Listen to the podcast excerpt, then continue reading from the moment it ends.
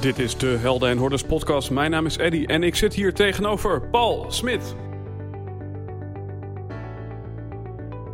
In de zomer van 2016 ontdekten we dat we een schakel waren in een netwerk van mensen die wij conscious business founders zijn gaan noemen. Bijzonder gemotiveerde ondernemers die ergens voor durven te staan.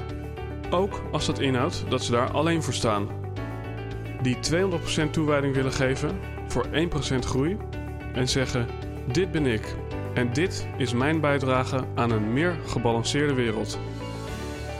Helaas kon je niet bij al deze gesprekken aanwezig zijn.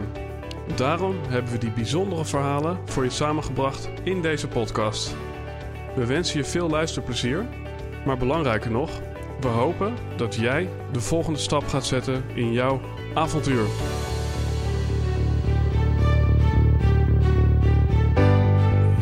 Alright, Paul, je bent filosoof, cabaretier, schrijver, filmmaker en een van de meest gevraagde sprekers van het bedrijfsleven. En je studeerde af op de evolutie van het menselijk bewustzijn. En je staat vooral bekend om je kennis rondom neurowetenschap, filosofie en non-dualiteit. En wat mij opvalt is dat je altijd bruggen weet te slaan. Zo combineer je humor met inhoud, wetenschap met spiritualiteit en ondernemen met onthaasten. Dus, beste luisteraars, schuif gezellig aan en laat je speelgoed staan voor een leuke en leerzame podcast. Zo, Paul, leuk dat je er bent. Ja, gezellig. Ik zat hier vorige keer met Patrick en daar zei ik al tegen... bijzonder om hier met jou te zitten, omdat het opzetten van onze Nederlandse podcast ooit begonnen is uh, door mij... door naar uh, praten over bewu bewustzijn te luisteren. Oh, grappig.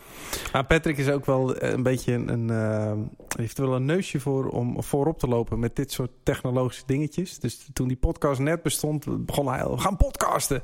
En ik zo, uh, wat? Ik wist niet eens wat het was. dus, uh, maar jij kende Patrick al voor de podcast? Um, nee, sterker nog. Nou ja, ik had hem één keer gezien uh, ik deed toen het management van Guido Weijers. En toen mm -hmm. zaten we voor een interview van Guido met Patrick bij Veronica. Mm -hmm. Dus toen zat ik al daar op de bank. En toen kreeg ik een week later een e-mail van hem van... hey, tof wat je doet met de non-dualiteit en zo. Zullen we een keer afspreken? Dus ik zei, ja, maar ik zat vorige week al op jouw bank. En hij zei, wat? Had die -hmm. link helemaal niet gelegd. En toen zijn we eigenlijk de eerste keer dat we elkaar ontmoeten... zijn we de eerste podcast uh, gaan opnemen. Dat was uh, het begin toen. Maar dat is meteen wel... Uh een dingetje, want non-dualiteit, je mag zo even kort uitleggen wat het is. Mm -hmm. um, ik ben al een tijdje bezig in de persoonlijke ontwikkeling en spiritualiteit. En dan is non-dualiteit is best wel ingewikkeld. Ja, je kunt zeggen, het is op een bepaalde manier heel eenvoudig. Ja. Maar volgens mij zit daar meteen een stukje talent van jou. Dat, uh, ja, dat een Patrick meteen denkt, hier wil ik wat mee. Dat zou nooit gelukt zijn als jij het niet zo helder wist over te brengen denk ik dan bij mezelf. Ja, wellicht. En, en, maar ook de, de klik die ik met Patrick had. Ja, dat, dat is uiteindelijk toch wel de, ja, de magie of zo. Hè? Dat, dat we het nog steeds na 340 podcasts of zo... Mm -hmm. ik weet niet eens waar we op zitten... maar dat nog steeds leuk vinden. Ja, want je geeft, je geeft wel eens aan uh, van... Uh, over het onderwerp non-dualiteit uh, raken we niet uitgepraat.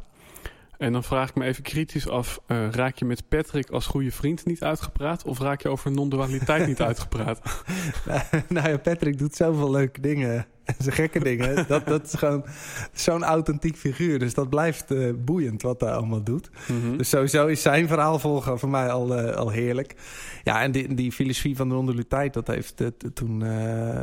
Uh, lang geleden alweer, maar dat uh, ja, heeft me zo geraakt, zeg maar, dat ik dat nog steeds echt wel het mooiste, het mooiste stukje filosofie vind waarmee ik in aanraking ben gekomen. Mm -hmm. Want beschrijf eens heel concreet.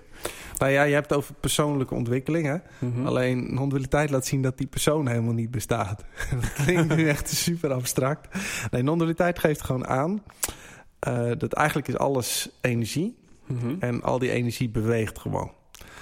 Uh, dus de vogel vliegt, de hond blaft, uh, de wind waait, de boom groeit en wij podcasten. Mm -hmm. uh, het enige verschil is dat in het menselijk brein, en dat kunnen we nu in de fMRI-scanner gewoon zien, ontstaat een soort goocheltruc. Ons brein eigenlijk doet alles vanzelf. Alleen bij alles wat je doet ontstaat direct daarna het gevoel en de gedachte, dat doe ik. Dus wij zijn heel erg gaan geloven dat we een ik zijn. En we zijn gaan geloven, wat logisch is, maar ook dat we een vrije wil hebben. Mhm. En de neuromarketeers van deze tijd, die weten inmiddels wel dat dat niet zo is. Um, maar ja, dus, dus non-dualiteit die, die, die verwijst gewoon naar dat eigenlijk de, de simpele boodschap. Dat alles gaat zoals het gaat. Ja, want als, we, als we dan even kijken naar de neuromarketing, dan zeg je eigenlijk: uh, iemand koopt iets en zegt, nou, uh, had ik echt nodig. Maar wat jij eigenlijk zegt is, hij heeft uh, die dag misschien wel 5000 onbewuste advertenties gezien. En denkt dan in één keer: hey, ik heb echt een Apple TV nodig. Maar heeft hij misschien gewoon onbewust heel erg vaak voorbij zien komen. Is dat wat je zegt? Ja, precies. Ik heb daar zelfs een apart bedrijfje in. 12 principes van beïnvloeding. Daar laten we ook zien dat je, kunt mensen op, op allerlei manieren kun je dat onbewuste brein triggeren. En dan maakt iemand vervolgens een keuze. En daarna praat zijn brein recht van... nee, maar dat is, dat is echt mijn keuze. Terwijl ja, dat gewoon niet het geval is. En dat zeker met... Er staan heel veel filmpjes op YouTube ook over... dat zo'n zo'n neuromarketeer iemand onder die hersenscanner legt... En kan gewoon zien, jij kiest iets. En dan mhm. vraagt hij, waarom kies je dat? Nou, dan de mooiste verhalen krijg je dan. Hè? Dat noemen we cognitieve dissonantie. Maar uh, eigenlijk weet iemand dat niet. Ons brein is een verhalenmaker. En die probeert continu achteraf een verklaring te vinden. Mhm. Maar die verklaring is, is echt maar een verhaaltje. Ja, maar als ik dus een bepaalde aankoop doe, dan is er dus een marketingbureau geweest die een bepaalde strategie had van zo brengen wij die jongen op het idee dat hij met dat toch echt een stuk beter leven heeft. Door dat, dat praten ze je aan. Hè? Dus ze, mm ze, ze, zijn continu bezig om, om jouw nucleus accumbens, dat is jouw beloningssysteem in dat brein, die continu te triggeren. En, en als jij maar inderdaad dat geloof hebt, nou, maar als ik dit product heb, dan word ik gelukkiger. Ja, dan, dan gaat jouw brein overstag. En daarna ja. verzint die neocortex er wel weer een verhaal bij.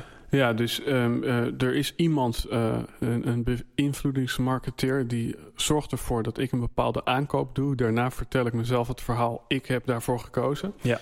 Maar als we dan even naar de non-dualiteit kijken, is er dan ook een, noem het maar, God, uh, als, net zoals de, de marketeer die ervoor zorgt dat Paul nu doet wat hij doet. Ja, die, marketeer is een soort god eigenlijk. nee. Nou ja, kijk, eh, het mooie van non-dualiteit vind ik, die zegt een non-dualiteit betekent geen twee. En zij zeggen dus niet het is één, maar ze zeggen het is geen twee. En wat filosofisch daar slim aan is, is dat je er geen waarheid van maakt. Dus zij zeggen ook niet er is een god of een kracht of wat dan ook. Want dat weten we gewoon niet. Mm dat, dat, dat, in religie noemen ze het God, Brahman, de Dao, noem het maar op in de wetenschap noemen ze het is allemaal energie of, of uh, ja, de, de quarks in de kwantumfysica en zo. Maar eigenlijk weet niemand waarom we doen wat we doen. Nee, want ze zeggen niet het is wel één. Nee, dus het is geen twee. Dus ze verwijzen naar... Mhm. We weten gewoon niet wat het is. En het grappige is, vanuit... Uh, denk niet aan een roze olifant. Waar denk je nu aan? Aan een roze olifant. Ja. Dus als je denkt aan uh, geen twee... dan denk ik nu aan dualiteit. Of ik denk aan twee, zeg maar. Ja, maar het is... Uh, dus, dus de filosofische omkering geen twee. Dus mhm. dat is, ja, het is heel slim bedacht. Dat heb ik niet bedacht hoor, maar dat uh, is goed gedaan toen. En, en jij hebt op een gegeven moment uh, een inzicht gekregen. Uh, nou, sommige mensen noemen dat verlichting. Andere mensen die noemen dat gewoon een inzicht. Mm -hmm. Of die lopen er helemaal niet mee te koop. Maar wat, wat heb jij een concreet pop, puntje op de tijdlijn gehad van en toen gebeurde er echt iets in mijn hele systeem. Of toen kwam ik tot een bepaald uh, inzicht. Nou, op rationeel niveau was dat echt door het. Uh, ik was afgestudeerd op de evolutie van het menselijk bewustzijn. En toen had ik altijd nog zo'n onderbuikgevoel. Ah, ik zie iets over het hoofd. Dat we geen vrije wil hadden, daar was ik toen wel achter. Uh, alleen dat zelfs het idee dat ik een ik ben, dat ik Paul ben, dat dat ook maar een constructie van mijn brein is, dat heb ik echt niet gezien. En toen op een gegeven moment kwam ik uh, stuiten op een boekje. Wie zoekt zal niet vinden, heette dat. Mhm. En uh, ja, dat was voor mij echt zo'n eye-opener. Dat ik, wauw, dat ik dit, dat ik dat heb gemist, dacht ik. Maar ik en, uh, en, en dus, dus daar is eigenlijk het proces van een beetje wakker worden begonnen. Mm want dan ga je inzien op een gegeven moment van... maar wacht eens even, als alles dus gewoon gebeurt zoals het gebeurt... inclusief ikzelf ja, dan gaat heel veel gepieker vervallen. Hè? Dus, dus alle angsten waarmee mensen leven, en zeker in, mhm. in de ondernemerswereld, mensen zijn bijna altijd bang hè, voor wat er mis kan gaan. Stel dat, wat als. Ja, en als, als die angst wat tot rust komt, ja, dan wordt het leven echt wel uh, wat lichter. En waarom is het dan zo dat wij zeggen: Ik ben Eddie, ik ben Paul? En waarom vertellen we achteraf ons het verhaaltje: Ik heb dit gekocht, want ik had dat toch echt nodig? Uh... Nou, dat is een evolutionair nut, zeg maar. Hè? Dus op een gegeven moment, de, de eerste mensen die bestonden van wat ze nu kunnen analyseren, is die hadden geen uh, zelfbewustzijn, maar alleen bewustzijn. Dus net als jouw kat of hond, mhm. als die in de spiegel kijkt, eh, beseft zo'n hond wel, daar is iets. Maar zo'n hond weet niet, die reflectie ben ik. Mhm. Nou, wat begonnen mensen te doen? Uh, die, door verhaaltjes te verzinnen over andere mensen, konden we het gedrag van anderen beter inschatten. En je snapt, dat vergroot jouw overlevingskansen. Maar daarna zijn we verhaaltjes gaan verzinnen over onszelf, zodat je ook het, je eigen gedrag kan inschatten. Dus je hoeft uh, helemaal niet van dat zelfbewustzijn af. Uh, dat is juist super functioneel in het dagelijks leven. Alleen het mm fijn is te doorzien dat het niet meer is dan een constructie van je brein. Een nuttige constructie, maar je hoeft hem niet te geloven. Nee, want ik heb wel eens gehoord uh, dat iemand zei: iedereen heeft een core story. En je core story is bijvoorbeeld: ik ben niet goed genoeg. Of ik ben bang dat ik doodga, want ik denk altijd dat ik een ziekte heb. Ja. Of um, niemand vindt mij aantrekkelijk. Of een hele positieve uh, core story, namelijk uh, uh, ik ben onoverwinnelijk en ik ben de president van Amerika. ja, ja, nee, ja, precies. Die man is natuurlijk behoorlijk geïdentificeerd. Maar je ziet dat die, die identificatie, daar begint het lijden, het mentale lijden althans. Maar geloof jij dat die core story ook dus maar een verzinseltje is of, een, of niet de objectieve waarheid? Uh, of geloof je dat in essentie iedereen wel een verhaal heeft wat, wat echt resoneert met wie die persoon is? Nou ja, uiteindelijk is ieder verhaal subjectief. Alleen uh, de, alle verhaaltjes van, die gekoppeld zijn aan ik, ik ben niet goed genoeg, uh, ik, ze houden niet van me, ben ik, uh, doe ik er wat toe. Ja, de, die zorgen voor heel veel kramp. En, en in principe kun je van die verhalen wel af. En natuurlijk zijn er ook heel veel fijne verhalen in je leven. Mm dat, dus het is fijn dat je de, de, de ruis weg kunt halen, althans. Mm -hmm. Want je zit hier natuurlijk uh, aan tafel bij, uh, in de studio van Dr. Wu. Mm -hmm. En Dr. Wu uh, helpt mensen hun verhaal te bevrijden. Geloof jij daar dan in? Of denk je van, er is een ondernemer die komt er achter van... nou, mijn core story begint bij dat ik kind ben uit een vechtscheiding... en daarom wil ik nu mensen helpen die ja, te maken hebben, kinderen van gescheiden ouders bijvoorbeeld, met, met een scheiding? Of denk je, nou laat dat verhaal weg, dan kan je ook gewoon lekker ondernemen en je ding doen? Um, ja, dat zal bij iedereen eh, anders zijn. Kijk, je ziet dat heel veel mensen door beschadiging in de jeugd uh, een heel groot deel van hun leven bezig zijn met compensatiegedrag. Hè? Dus in het mhm. bedrijfsleven zie ik eigenlijk alleen maar kinderen met een stropdas. Want iedereen is zijn eigen kindpatronen nog aan het uitspelen met alle mm flauwe spelletjes en kinderlijke gedragingen. Um, dus, dus het kan wellicht werken hè, dat er een stukje zelfreflectie optreedt. Dat je denkt, oh ja, dus dat. Uh, ik heb bijvoorbeeld, mijn moeder zei altijd: Je moet productief bezig zijn, jongen. Mm Ja, ik ben tot mijn 35ste bezig geweest om maar productief bezig te zijn. Mm -hmm. Dus op een gegeven moment kan dat verhaal doorzien ook wel een stukje uh, inzicht zorgen, een stukje rust uh, brengen. Maar dus voor jezelf uitstippelen van waarom doe ik wat ik doe.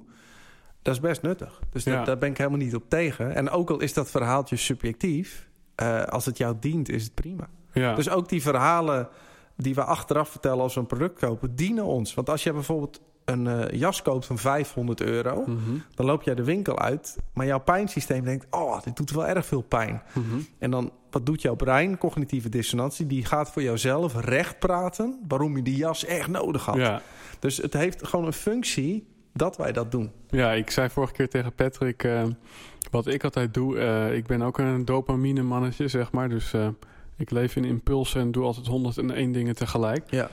Uh, en dan komt het ineens voor dat ik thuis zit en ik denk... oké, ik heb zojuist de duurste audio-installatie gekocht... die bij de winkel op de hoek was. Ja. Is dit eigenlijk dan ook de beste? En dan ga ik daarna op YouTube reviews checken. Oh, niet doen. Ja, ja maar, maar dat doe ik dus heel erg...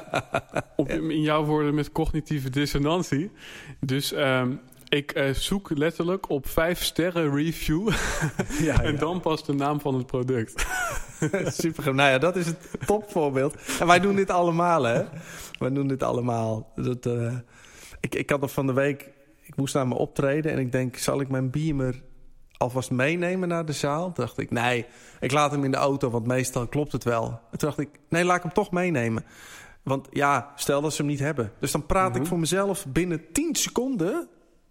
ga ik van A naar Z, zeg maar. Hè? Dus, en ja, ja, dat is mensen eigen. Dus, en maar als je dit gaat doorzien, ook, ook als je therapeut bent... Ja, je neemt mensen iets minder serieus. Mhm. Je ziet dat het echt flauwekul is vaak. Maar verandert uh, jouw moeder, de, die heeft jou de core story... Ik, je moet productief zijn meegegeven. Ja. Is dat een patroon wat je uh, ja, altijd maar uh, blijft uitoefenen? of is het doorzien van het patroon ook meteen de stop van het patroon? Nou ja, laat ik het zo zeggen. Op het moment dat het wordt doorzien, haal je de, de voet van het gaspedaal. Maar die auto rijdt nog wel uit. Dus dat mhm. gaat allemaal niet van de een op de andere dag. Maar het begint wel met de, met de inzicht, ja. Mhm. En in hoeverre, want nu hebben we het over een, een, een geloofsovertuiging of een verhaaltje, wat je dan, uh, uh, ja, wat misschien de initiator is van bepaald gedrag. Mhm. Maar in hoeverre denk je dat het niet ook gewoon neurologisch is? Dat er gewoon een pad in je hersenen zegt: je moet productief zijn, als je snapt wat ik bedoel. Ja, alleen dat, dat, kan, zeg maar, dat kan genetisch zijn. Hè? Mhm. Dat is ongeveer de helft van je gedrag. En, en, en het andere is conditionering. Dus het kan van beide afkomen. En ik heb natuurlijk, net als jij, een overdosis dopamine. En die neurotransmitter zorgt ervoor dat je gewoon altijd bezig bent. Altijd op zoek bent naar nieuwe creatieve dingen. Mhm. Ja, dat is gewoon dat is de aard van het beestje. Dat heeft niks met je conditionering te maken. Het is alleen conditionering geeft daar wat vorm aan. Wat ik grappig vind, jij bent heel erg van de neurowetenschap. Mhm. En dan is dat uh, in mijn perceptie het stukje... Ja, de, de, de wetenschappelijke, de feitelijke... Uh, de bewijsvoerende kant van uh, waarom dingen gaan zoals ze gaan. Terwijl jij volgens mij ook een hooggevoelige persoon bent, uh, bezig bent met spiritualiteit, uh, daar in dat landschap ook van alles he, he, heb gezocht. En ik vraag me af, hoe kan je die twee dingen eigenlijk naast elkaar hoog houden? Nou ja, ik, ik zie geen verschil tussen beide. Ik zie alleen maar dat uh, wat heel veel wijze uh, mensen hebben geroepen de afgelopen eeuwen, dat dat de afgelopen tien jaar uh, neurowetenschappelijk onderbouwd is. Mm -hmm. Dus ik zie die dingen juist steeds dichter bij elkaar komen. En ook de, de hocus pocus gaat er wat vanaf. Want het is gewoon simpelweg aantoonbaar. Mm -hmm. en, en het zijn vooral de neuromarkten die er het eerst op duiken nu. Maar uh, ja, dit, dit, gaat nog wel veel doen. Ik zie het in het onderwijs ook al bewegingen. Hè? Dus, dus als het leren mm -hmm. zo beter gaat, gaan we het zo doen. Dus nee, ik zie daar niet zoveel verschil in. Want waar, waarom zijn er eigenlijk uh, van oudsher dan twee werelden? De, de, je, weet je wel, je hebt de wereld van de homeopathie... en je hebt de wereld van reguliere geneeswijze. Je hebt de wereld van, zeg maar, de wetenschap... en je hebt de wereld van uh, religie en spiritualiteit welk nut dient het dat, dat daar... Nou, het heeft allebei een nut. Hè. Mensen willen graag dingen verklaren, zoals mm -hmm. wetenschap ontstaan. Maar uh, dat mensen dingen willen verklaren, zo is ook religie ontstaan. Want ons brein zoekt verklaringen, want dat geeft hem steun, dat zorgt voor je overlevingskansen. Dus, dus als het onweerde was God boos, want dan had je in ieder geval een verklaring. Dat is ook allemaal cognitieve dissonantie, maar het dient wel, uh, het heeft een nut, zeg maar. Dus, mm -hmm. dus religie is niet zomaar ontstaan. Nee. Dat is ook weer eigenlijk neurowetenschappelijk te verklaren hoe dat dan komt. Mm -hmm. Maar het, het, het, het, uh, het zou er niet zijn als het de mens niet diende. Nee. Ik, ik, ik spring even op een heel ander stukje. Uh, ja. Je hebt uh, aangegeven, nou, je hebt die ervaring gehad... of je las een boekje, in bad was het geloof ik... en toen kwam je tot een soort missing piece in het stukje... ja, geen vrije wil hebben enzovoort. En dan vraag ik me af, wat heeft dat gedaan met jouw ego? Want ik herinner me een podcastaflevering dat uh, je met Patrick praat. Ja. En dan, uh, ja, dan heb je een soort plaatsvervangende schaamte, maar ook plezier om Patrick. Want die heeft een legerbroek aan en een, een of andere t-shirt met een label. En uh, by the way, dat heeft hij al een aantal dagen aan. En daar gaat hij ook mee naar conferenties en naar, en naar ja. mensen van stand. Ja, ik kan me voorstellen dat als je denkt ik heb toch geen vrije wil en eh, wat er gebeurt, gebeurt er. Dat je dan op een gegeven moment inderdaad nihilistisch wordt en denkt: eh, ik eh, ga ook in een legerbroek die een week niet gewassen is voor een groep staan. Ja. Hoe, hoe werkt dat bij jou? Heb jij nog wel zoiets van: ik, ik kom iedere dag verzorgd voor de dag en ik vind het belangrijk om in een dure auto te rijden, een speedboot te hebben en een mooi pak? Of is dat allemaal weggevallen? Um, nou ja, kijk, hoe iemand zich gedraagt staat op zich los van dit inzicht. Hè? Dus, dus Patrick heeft zijn hele leven, draagt hij het liefst dat soort kleding. Ehm, ik sta iedere dag voor een bedrijf, dus ik heb een pak aan. Want dan, mhm. ja, dat werkt gewoon beter. Mhm. Dus ehm, het is gewoon de aard van het beestje die doet wat hij doet. Dus dat staat verder los van uh, non-dualiteit of wat dan ook. Mhm. Dus ik ken ook mensen die hebben vliegtuigen en snappen deze filosofie totaal. Dat, uh, ja, ik zie daar geen verschil in. Het gaat er echt om in, de, in hoeverre ben je daarmee geïdentificeerd. Hè? Dus op het moment mhm. dat, dat heel jouw identificatie afhangt van een lege broek of een dure auto, ja, dan wordt het wel heel kwetsbaar. Want als mhm. die auto dan een keer weggaat of je krijgt een keer niet genoeg waardering, en dan voel je die pijn al. Dus dat, dat compensatiegedrag dat kan wel minder worden. Ja, en een ander facet wat je belicht is... als je hoort, oké, er is geen ik, er is geen vrije wil... dan kan een fase zijn dat je je vrij nihilistisch voelt. En dat is eigenlijk een deel van het integreren van mhm. dat inzicht. Want, want de, de gehele teaching is eigenlijk... oké, er is geen ik er en er is geen vrije wil... alleen je ervaart hem wel. Dus je handelt in het dagelijks leven gewoon... alsof je een ik bent die keuzes maakt. Ja. Dus, dus je speelt gewoon het spel. En, en sommige mensen, dat, dat is de Advaita Shuffle noemen ze dat... die maken zich heel de dag wijs van... ja, nee, maar er is geen ik en ik heb geen vrije wil. Nee, maar je ervaart hem wel. Ik bedoel, er is mhm. ook geen tijd en geen ruimte... maar ik ervaar het toch echt. Ja. Dus dat, dat, heeft, dat, dat is een beetje... Maar Cruijff die zei ooit, je, je, je, je ziet het pas als je het door hebt. Juist, nou dat. En dan kan ik me dus voorstellen van... Uh, op een gegeven moment zie je dat bepaalde dingen je niet dienen... Dus het dient je niet om heel veel te zuipen. Het dient je niet om uh, te roken. Um, het dient je misschien ook niet om uh, jezelf uh, lichamelijk te verwaarlozen. En dan kan ik me voorstellen dat je op een gegeven moment ook denkt... want ik weet toevallig, jij hebt een hele mooie auto en je hebt een hele mooie boot... Mm -hmm. dat je op een gegeven moment denkt van... ja, maar het gaat niks veranderen aan mijn geluk... want na bedrag X Ehm, heb je wel eens gezegd, uh, eh, 60.000 euro geloof ik, word je niet gelukkiger. Nee, dan voegt het er bijna niks meer toe. Ehm, ja, en uh, de, de belangrijkste dingen uh, zijn volgens mij menselijk contact. Uh, om gelukkig te zijn en veel slapen en een beetje sporten. Ja. En wat, wat ja, je zegt, je hebt een bepaald systeem. Maar ik kan me voorstellen dat, dat er een stemmetje in jou zegt... ja, Paul, maar wat, wat, wat heb je eigenlijk aan die auto? En wat, wat heb je eigenlijk aan die boot? Niks. Staat hij volgende week weer op Marktplaats? uh, nou ja, die, die, die boot is eigenlijk alleen leuk... omdat ik samen met andere mensen op die boot een avontuur beleef. Dus die mhm. boot is alleen maar een middel om sociale contact op te doen. Want in je eentje varen is er best snel op uitgekeken hoor. En, en, en die auto, ja, ik weet nog dat, dat ik hem ging ophalen. De verkoper was blijer dan ik. En het is wel leuk en hij rijdt prima en zo. Maar mhm. het, het zit hem absoluut daar niet in toen ik mijn eerste autootje kreeg van, van 1000 euro, was ik, was ik misschien nog wel gelukkiger. Mhm. Dus, dus ik, maar ik focus me vooral meer op veel vrienden ontmoeten, sporten, goed slapen, goed eten. En dan voel je echt goed. Ja. Dus die, in die materie voegt, voegt bijna niks toe in dat brein. Dus het verschil in geluk tussen mensen hangt maar van 10% af van al je spulletjes. Ja. Dus, dus, en, en, maar we zijn allemaal aan het jagen in deze red race voor meer, meer winst, meer dit. En, en dan, ja, ik, ik zat laatst met, met Guido Wijs te praten. Die, die stond voor allemaal uh, keukenverkopers. En er was meer keukens, meer targets. Eh. En toen zei hij ook, ja, maar wat, wat, wat wil je op je grafkist? Van, hier rust Frits. Hij verkocht heel veel keukens. ik bedoel, nee, maar dan denk ik... Er moet toch een keer in je leven, zou ik hebben, zelfreflectie van... Ja, maar wat wil ik? als je mhm. keukens verkopen leuk vindt, moet je het lekker doen. Maar ja, ik vind de wereld een beetje doorgedraaid op het moment. Nou ja, ik vind, ik vind het wel een mooi bruggetje. Want wat je misschien dan op je kist uh, wil hebben staan... of wat je wil dat mensen zeggen als jij opgebaard ligt... dat is misschien... Paul was iemand die echt een verandering heeft gemaakt... Uh, in uh, ja, een, een, het bedrijfsleven, in de manier waarop mensen met elkaar omgaan. Ik noem maar wat geks, hè. Mhm.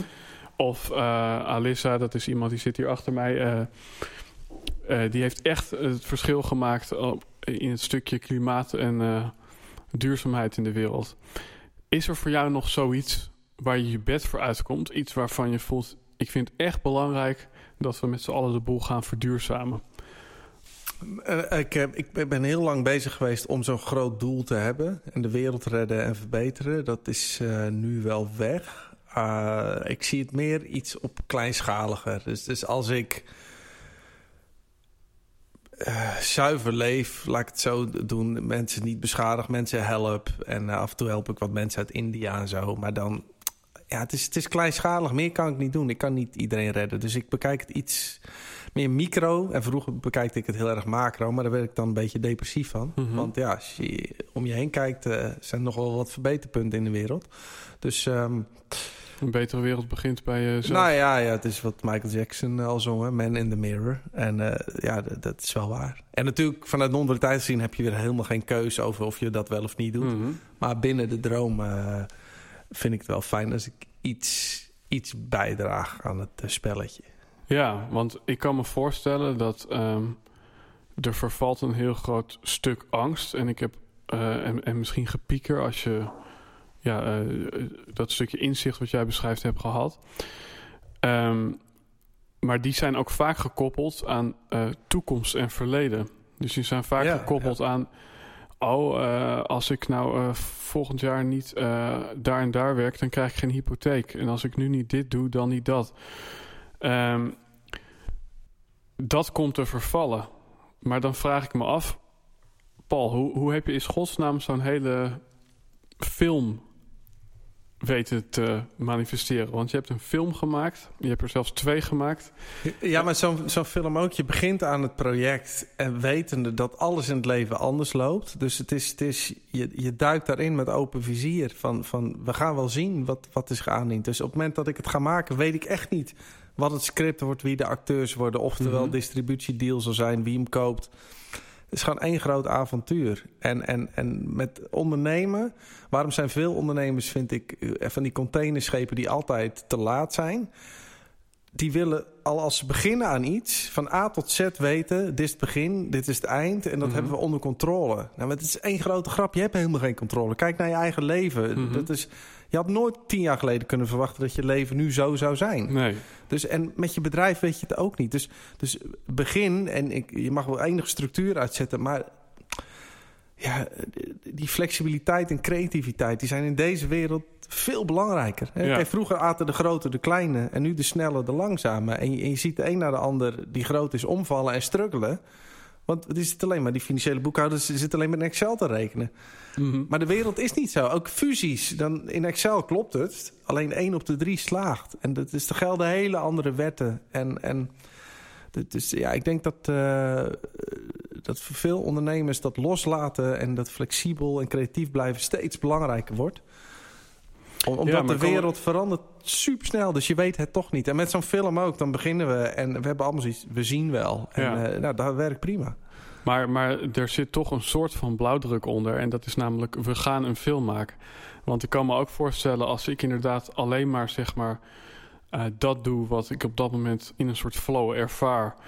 Ja, dan uh, komen er misschien 101 microblogjes uit. Mm -hmm. Maar als niet van tevoren de afspraak uh, is gemaakt van ik ga een een roman schrijven, dan blijven dat allemaal losse flodders. En dan is het moeilijk om dat tot een boek samen te voegen. Snap je wat ik bedoel? Ja, maar daarom is het belangrijk op, op dat punt dat je met de groep met wie je doet een gezamenlijke visie hebt. Een gezamenlijk doel. We weten, we willen tussen nu en twee jaar een film realiseren. En dan zet je wel globaal, zet ik targets uit, die allemaal weer anders lopen.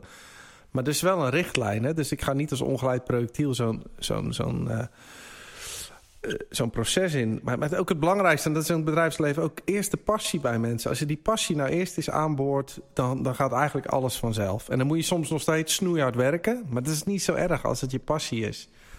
Dus ja. was al die ego-spelletjes, die hadden wij ook niet met, eh, met, met al die mensen. Als die ook er nog eens niet zijn, heb je ook al die ruis nog eens niet. Mhm. Ja, dan is het echt leuk om te doen.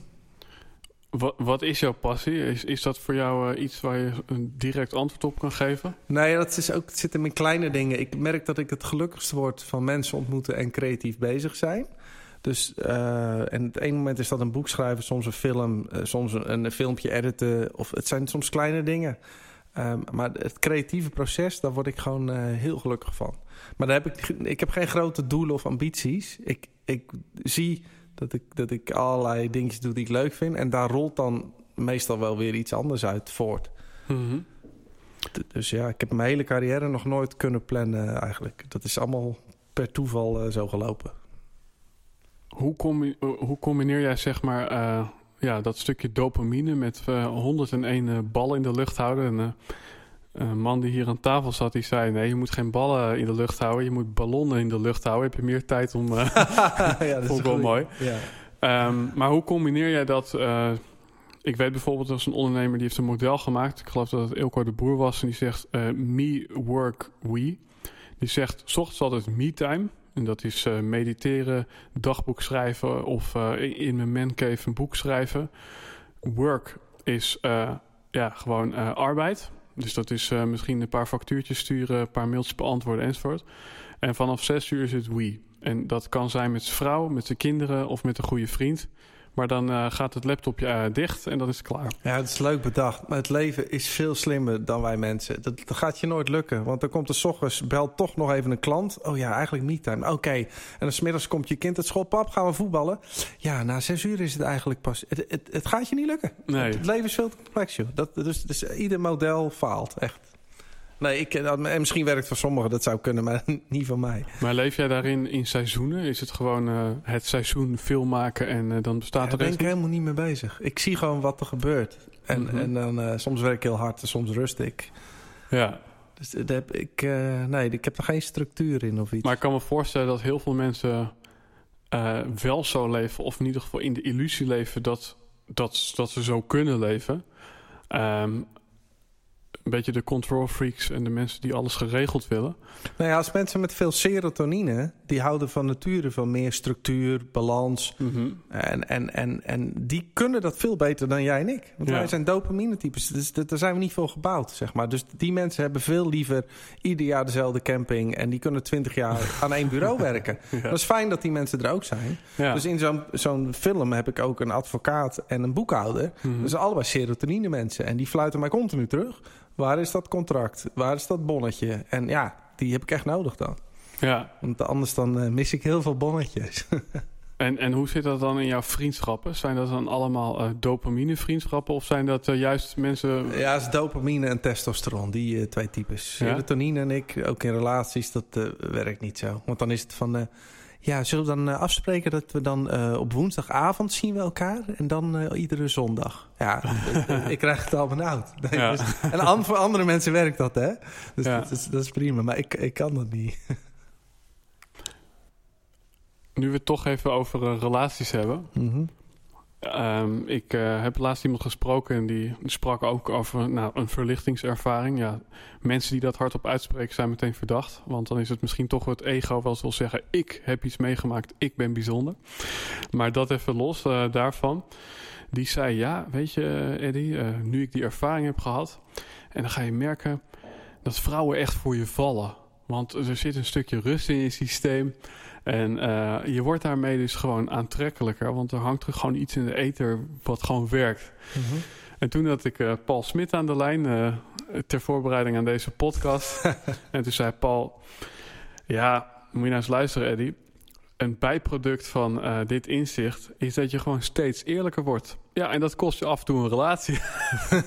ja, ja, nee, het is heel dubbel. Want aan de ene kant trekt het aan, hè, want mensen ook, uh, uh, ja, die denken, oh, het is bij jou rustig. En, en, Mhm. en omdat je minder projecties op dingen hebt en minder grote meningen. En, en het is de, ja, dat is fijn. Dus dat helpt. Alleen aan de andere kant, ja, ja, je conformeert je gewoon wat minder snel, zeg maar. Dat is Mhm. wel een bijproduct. En daar word je niet altijd populair van. Dat, uh, Nee, maar dan is misschien een soort van uh, ja, tussenversie tussen deze twee uh, visies. Is misschien uh, de mensen die ook zo in het leven staan uh, met zo'n stukje inzicht uh, als achtergrond. als je die ontmoet, dan kan, het, kan, ja, dan kan je op de... Op de ja, maar het, het, het liefde is een puzzel die niet past. Dus wat voor constructie we ook bedenken, het gaat je nooit lukken. Het is gewoon... Vrijgezel zijn is niet alles. En relatie hebben is ook niet alles. En, en leg je het daar maar bij neer. Ik heb er heel mm boek over geschreven. maar het heeft allemaal weer met stofjes in je hoofd te maken. Met verschillen tussen mannen en vrouwen. En, en dus uh, het liefde is een spannend ding. Maar ook hierin is het leven je altijd te slim af. Hè? Je komt altijd de partner tegen die weer dingen triggert. Mhm. En op het moment dat je denkt, oh, dit is de ideale partner... dan gebeurt er weer de volgende goocheltruc. dus het, het, is gewoon... Wij zoeken altijd naar het ideale. De, ideale organisatievorm. Eh, het ideale project. Eh, de, de, de ideale relatie. Maar die bestaat gewoon niet. Nee. En waarom is het dan zo dat heel veel mensen dat want ik kan me voorstellen dat jij niet de eerste bent die dit bestudeerd heeft uh, en geconcludeerd heeft. Waarom blijven we dan toch dat proberen vast te grijpen? En ja, dat is gewoon biologisch verklaarbaar. Tot de dood ons scheidt. Uh... Ja, dat is natuurlijk. Dat, kijk, het huwelijk is een beetje uit de hand gelopen constructie. Want dat was vroeger was het huwelijk bedoeld om je erfenis over te dragen aan anderen. En dat stond verder los van liefde. Mm Dat was gewoon een, gewoon een hele rationele beslissing. En wij zijn dat gaan koppelen. Dat, dat je van iemand houdt. En dat je dan de uitspraak kan doen dat dat 50 jaar gaat duren. Nou, kijk naar de statistieken. Die wijzen op iets anders. um, Dus, uh, maar ja, de, de liefde is, is, is, een complex ding. Want, want de, de, de man denkt, uh, dat is een mooie vrouw. Maar als hij die vrouw heeft, denkt hij... Ja, maar dat is ook een mooie vrouw. En dat ook, en dat ook. En, en, de vrouw denkt op een gegeven moment van... Ja, die man heb ik. Nou, hoe kan ik zoveel mogelijk van hem krijgen? Mm -hmm. En als de vrouw dan vaak rond de 30 is... dan, uh, ja, dan komt, komt toch het biologische van... Oh ja, maar toch, toch nog even om me heen kijken. En ja, het is, het is allemaal verklaarbaar. En de man wil niet dat de vrouw vreemd gaat, want die wil niet dat eh, een ander zijn DNA wordt doorgegeven. En de vrouw wil niet... Een keer seks uh, vindt de vrouw nog alarm soms. Maar mhm. die zegt van... Ja, nee, maar als jij je aandacht aan de ander gaat besteden... gaat het ten koste van mijn nestje. Dus, mm dus het is altijd uh, gedoe. En het is best, best vervelend dat... dat, dat, dat, dat een beetje gemeen hoe het in elkaar zit in de natuur. Dat je, dat je als je verliefd wordt, heb je één jaar lang meer dopamine. Mhm. Nou, je kunt je voorstellen, als jij nog meer dopamine hebt dan nu, dan, dan, dan word je echt blind. Want liefde maakt blind. Dat doet dopamine. Mhm. En dat ene jaar geloof je echt van, nou, met deze partner, dat is echt. En dan heb je al die mensen zeggen, ja, wij zijn tweelingen, zielen. Wij kennen elkaar uit een ander leven. Dus dat geloof je echt op dat moment. Ja. en dan na een jaar is het stofje weg. En, en statistisch zie je ook dat de meeste relaties eindigen na een jaar. Want er is de magie weg. En dan denk je opeens van ja, ja. Wie heb ik nou weer op de bank zitten? Mhm. het, is, het, is, het, is, uh, het is complex gebeuren. Maar daarin, ja, een uh, stukje angst. Dus dat is vaak toch de reden dat mensen dan in deze constructie bij elkaar blijven. Ja, natuurlijk. hè? Mhm. Want, want, als jij uh, je verbindt met elkaar uh, dus dat stukje zekerheid, of soms gewoon materiële zekerheid. Maar inderdaad ook, wat ben ik nog zonder jou? Ja. En uh, ja, ja is, dan ga je elkaar claimen en, en de vrijheid ontnemen. Mm -hmm. Dus degene waarvan je het meest houdt, ga je het meeste beperken eigenlijk. Dat is het ja. gekst. Ja. Is dat uh, stukje angst bij jou ook nog aanwezig? Of is dat nadat uh, uh, gewoon angst in het algemeen? Heb jij dat nog? Nou, functionele angst is natuurlijk nuttig. Hè? Dat als jij op heel veel momenten heb je angst om te stoppen voor een rood stoplicht mm -hmm. of, of wat dan ook. Dus angst is, is eigenlijk biologisch heel nuttig. Alleen de, de piekerangst van stel nu dat. Mm -hmm. Dus de angst van wat als die klant volgende week de factuur niet betaalt. Ja, daar heb, daar heb ik niks mee met die gedachte. Op een gegeven moment ga je dat doorzien. Ja, maar dat is, dat is nutteloos. Hebben we daar ooit in de geschiedenis wel wat aan gehad? Aan deze constructie van piekeren? Uh, nee, kijk, uh, alles heeft zijn plussen en min. Dus het voordeel is dat wij kunnen tijdreizen in ons hoofd. Wij kunnen nu al denken aan volgende week. Nou, dat is als je een bedrijf runt helemaal heel handig. Mm -hmm. Alleen het bijproduct is dat je dus ook aan alles kunt denken... wat er dan volgende week mis zou kunnen gaan. Ja. En, en, en het fijne is natuurlijk dat je dat nuttige deel van het verstand gebruikt. En dat piekenverstand, dat je dat gaat doorzien. Ja, want, pieken is heel hard de verkeerde kant op fantaseren. Ja, precies. En dan lig je, zeker s'avonds, word je neocortex moe. Dus dan lig je in bed echt te mijmeren. En, en, en, en jouw brein weet niet het verschil tussen wat echt is en fictief. Dus als je alleen al een angstgedachte hebt, voel je ook dat werkelijk je hele lichaam verkrampt. Ja. Want jouw brein kent het verschil niet. Dus dat, dat vrijkomen van het piekeren is echt wel een uh, verademing. Maar ook dat zou een stukje uh, ingebouwd kunnen zijn in je, in je DNA. Toch? Dat je van nature, net zoals dat mensen van nature depressief van aard kunnen zijn. Ja, nee, maar dat is, kijk, de spermin is ook anders. Hè? Er zijn ook mhm. mensen die weten helemaal niks van ene vorm van filosofie. En die piekeren gewoon heel weinig. Dus dat is ook je aanleg. Ja. En, en, en misschien is het wel zo dat mensen die het meest piekeren... ook op zoek gaan naar allerlei filosofieën en spirituele, eh, spirituele dingen... om er vanaf te komen. Dat zou best kunnen. Ja. Ik kan me voorstellen dat, uh, dat er ook iets anders wegvalt na zo'n inzicht. Uh, en dat is het stukje vergelijken met anderen. En het stukje mensen op een voetstuk plaatsen en ja, kijken wie, wie, het het beste heeft. En dan toch ga ik je de vraag stellen, omdat je in de Helden en Hordes podcast zit. Van, heb jij nog helden? Zijn er nog mensen waarvan je echt denkt, wauw, die gast of die kerel... en dat mag ook je moeder zijn of of je ex? Nou ja, ik, ik, geniet heel erg van mensen die uh, met iets creatiefs komen. Of dat nou comedy is, zoals Bill Hicks of zo. Of, of, of, of muziek, weet je wel. Mhm. dan... Maar ja, het is niet dat die mensen dat creëren. Want iedere creatie is een cadeautje natuurlijk. Maar daar kan ik intens van genieten. Maar dan geniet ik van de creatie en niet zozeer van die ene persoon. Want, want mhm. die is er helemaal niet. Dus het is net zoals een... Uh een goed liedje. Uh, dan geniet je niet van de speakers, maar je geniet van het liedje wat eruit komt. Juist, juist. Ja, dat is een mooi, mooi vergelijking. Vroeger had ik dan, als ik dan uh, was, speelde ik in een band en dan maakte Guns N' Roses een nieuw album. En dacht ik, jezus, dat is zo goed. En dan werd ik gewoon jaloers. En dacht ik, ja, dan ging ik vechten, weet je wel, dat wil ik ook.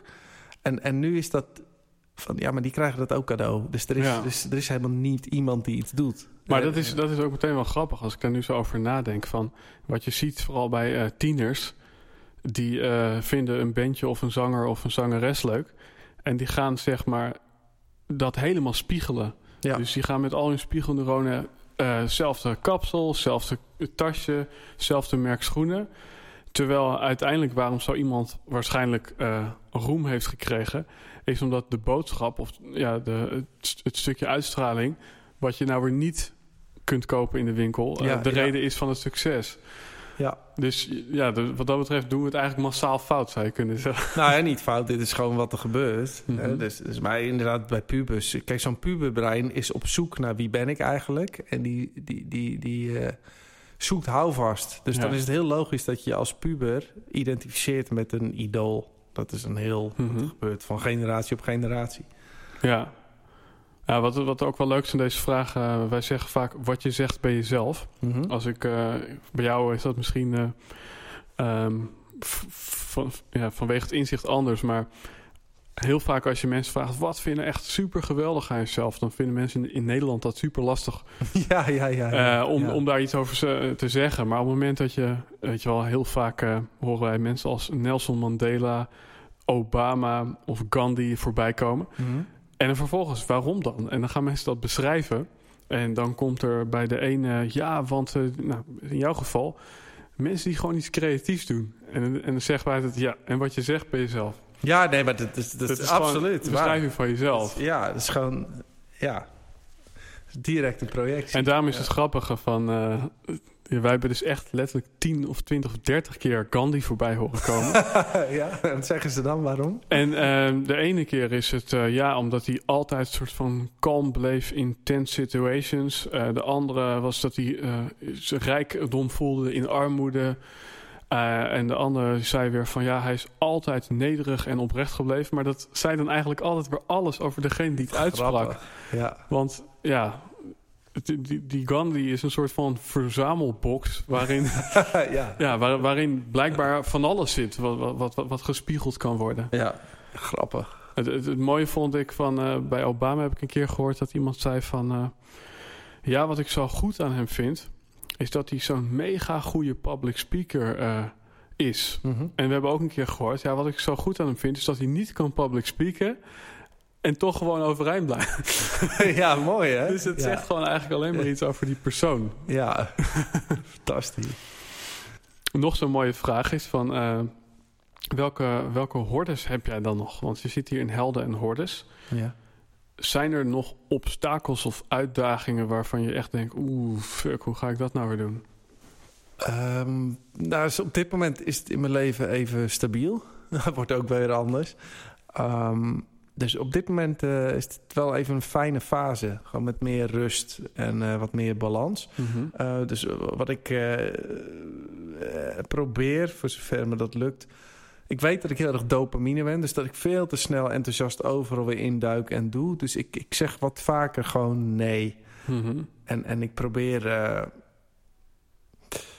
Nou, ik merk gewoon doordat ik uh, wat minder springerig ben nu, dat het me heel veel rust oplevert. Mm -hmm. dus, dus ik begin, uh, hoop ik, nog even geen nieuw project uh, op korte termijn. Ja. Dus ik doe alleen maar optredens en daar heb ik nu 22 van per maand. Dus, dus dat is druk zat.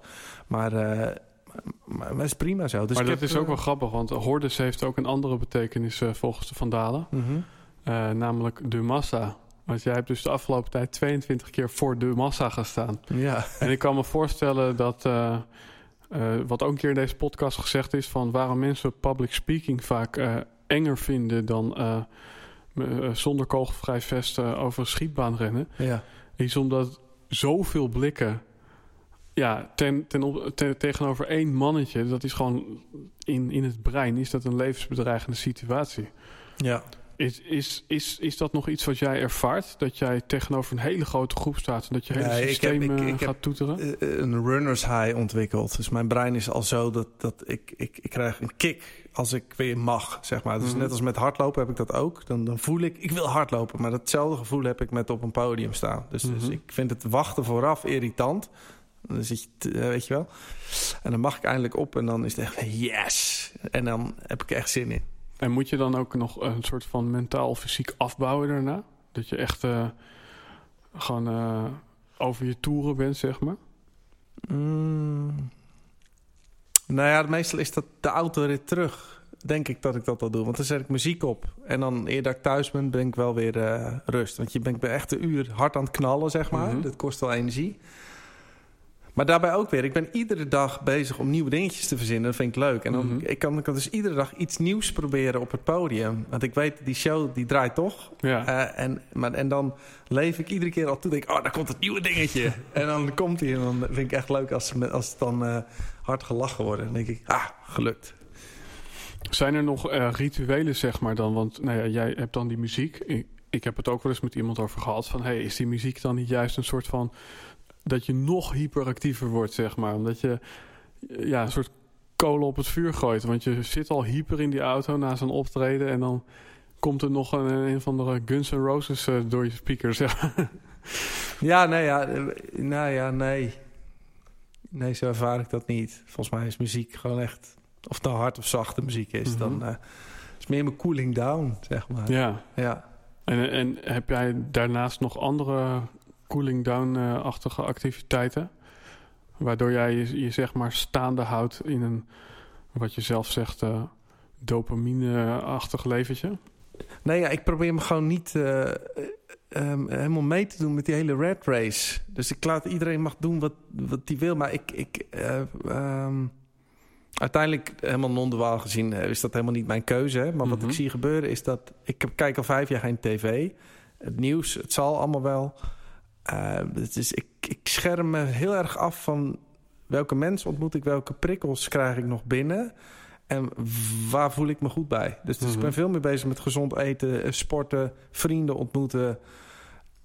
En, en dan nog eh, leuk werk hebben. Dus, Mhm. en, en die combinatie werkt gewoon goed. En ik voel me iedere dag ben ik weer blij en, en voel ik me goed. Ja. En ik heb nergens dat ik mee hoef in, in die, die doorgeslagen red race. Nee.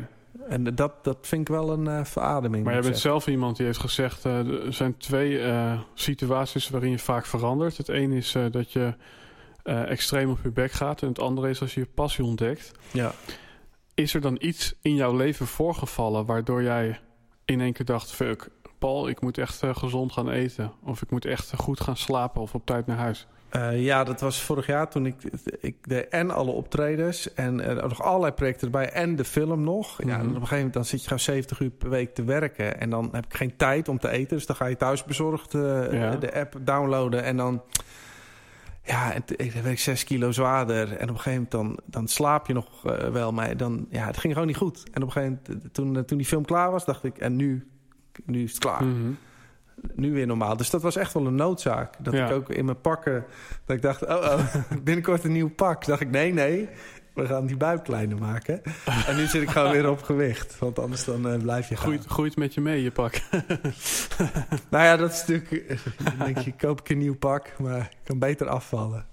Dus, dus eh, dat is wel weer een... eh, zo- zo'n punt, zo'n dat je even tot aan je grens gaat... en dan even weer die reflectie hebt van... hé, hey, Hmm. wil ik dit, hè? En Ja. eh, dat zijn wel eh, leerzame momenten. Zijn er eh, leerzame momenten of is er één ding waarvan je denkt... Nou, er zijn heel veel startende of ondernemers die al een aantal jaar solopreneurs zijn, zoals wij dat noemen. En dan zitten ze in een autootje en dan vragen we vaak... Als je een billboard had zo groot als een villa... Ja. en dat mocht je langs de snelweg zetten... Ja, en mensen rijden daar... eh, eh, gisteren was geloof ik de drukste spits van het jaar... oké. Die rijden daar in, dat, in een tuf gangetje voorbij dat bord. Ja. Welke boodschap zou je ze willen meegeven op dat bord? Welk, welk inzicht of welk idee?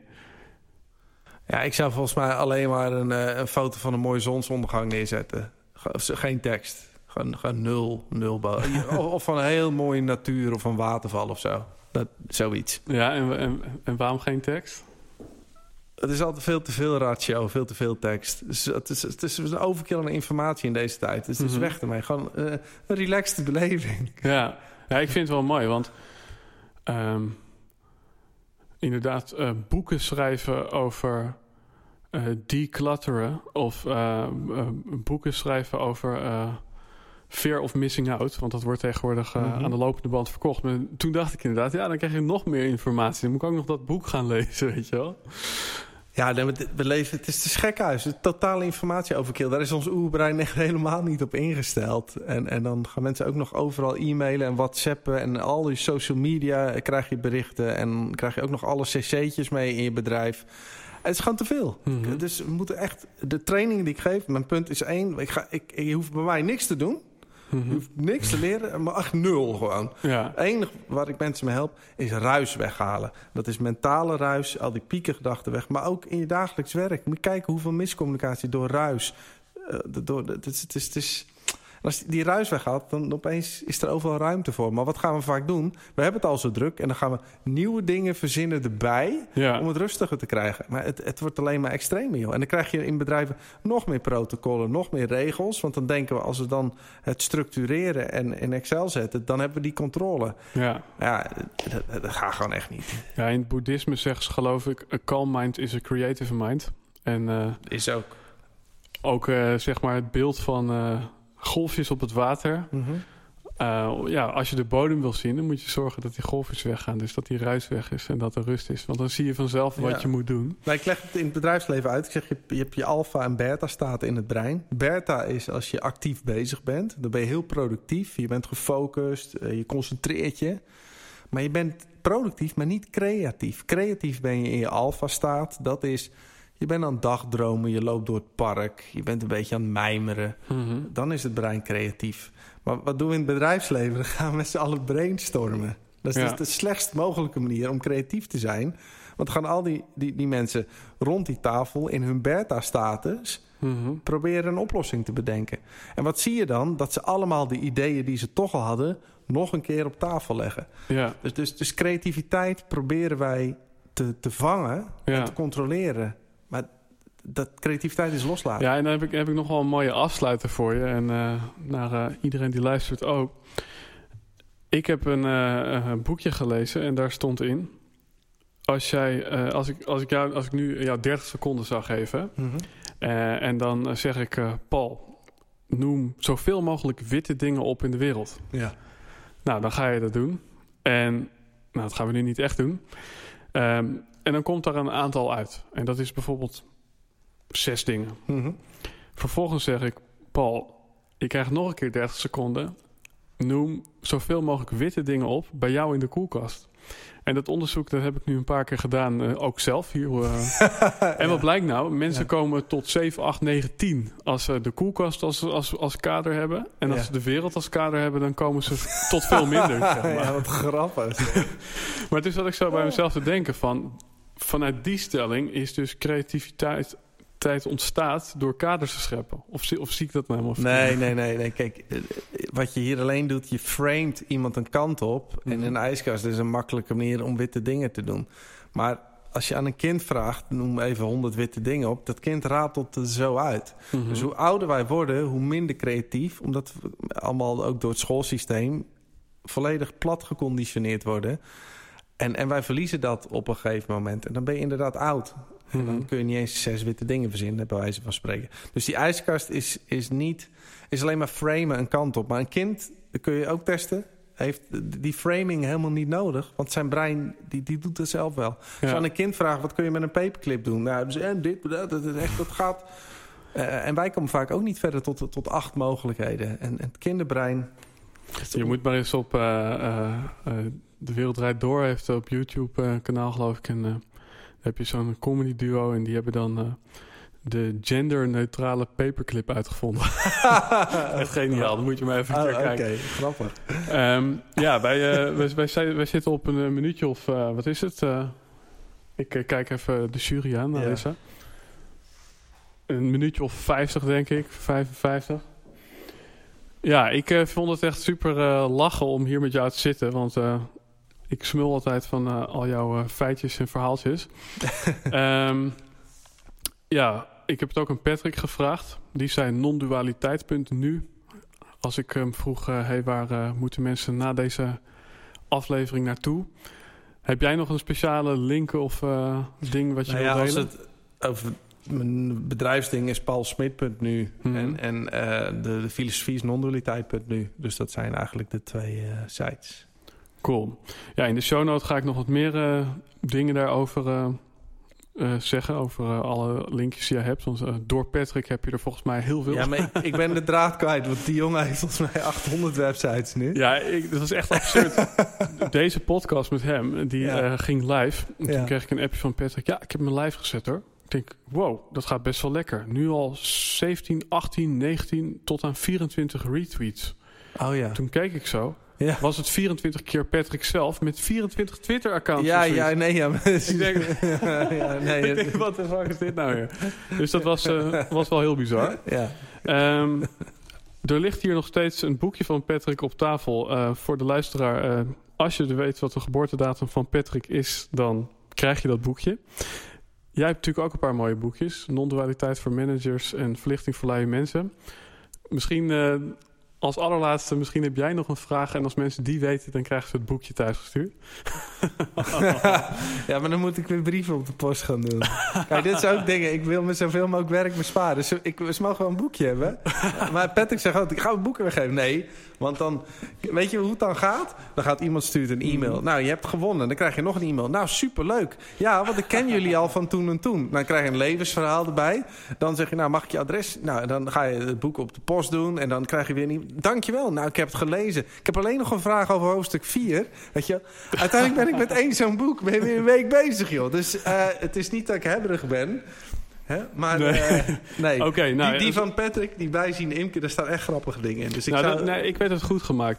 Jij mag, eh, Patrick heeft hier ingezet, veel lezers Patrick kikken. ja. En dan zet je daaronder ook nog en Paul En, Smit. en Paul Smit. Ik heb het boek niet geschreven, maar ik zet hem... er- Als je een pen hebt zo, dan eh gaan Top. we dat doen. Hey, dankjewel voor, eh, voor dit leuke gesprek. Was gezellig. En eh, tot de volgende. Ja, leuk. Misschien nog leuk voor jou als luisteraar. Veel van de gasten in onze podcast hebben bij ons bedrijf Dr. Woe hun verhaal bevrijd. En voel je nu ook dat je meer impact kan maken, maar mis je een rachtstrak verhaal? Dan is het misschien leuk als je een keer vrijblijvend met ons mee komt lunchen. En daarvoor kun je het beste even naar Eddie appen. En Eddie, dat ben ik. En mijn nummer staat in de show notes van deze podcast. Dus tot snel bij de volgende podcast of misschien bij ons aan tafel. Ciao!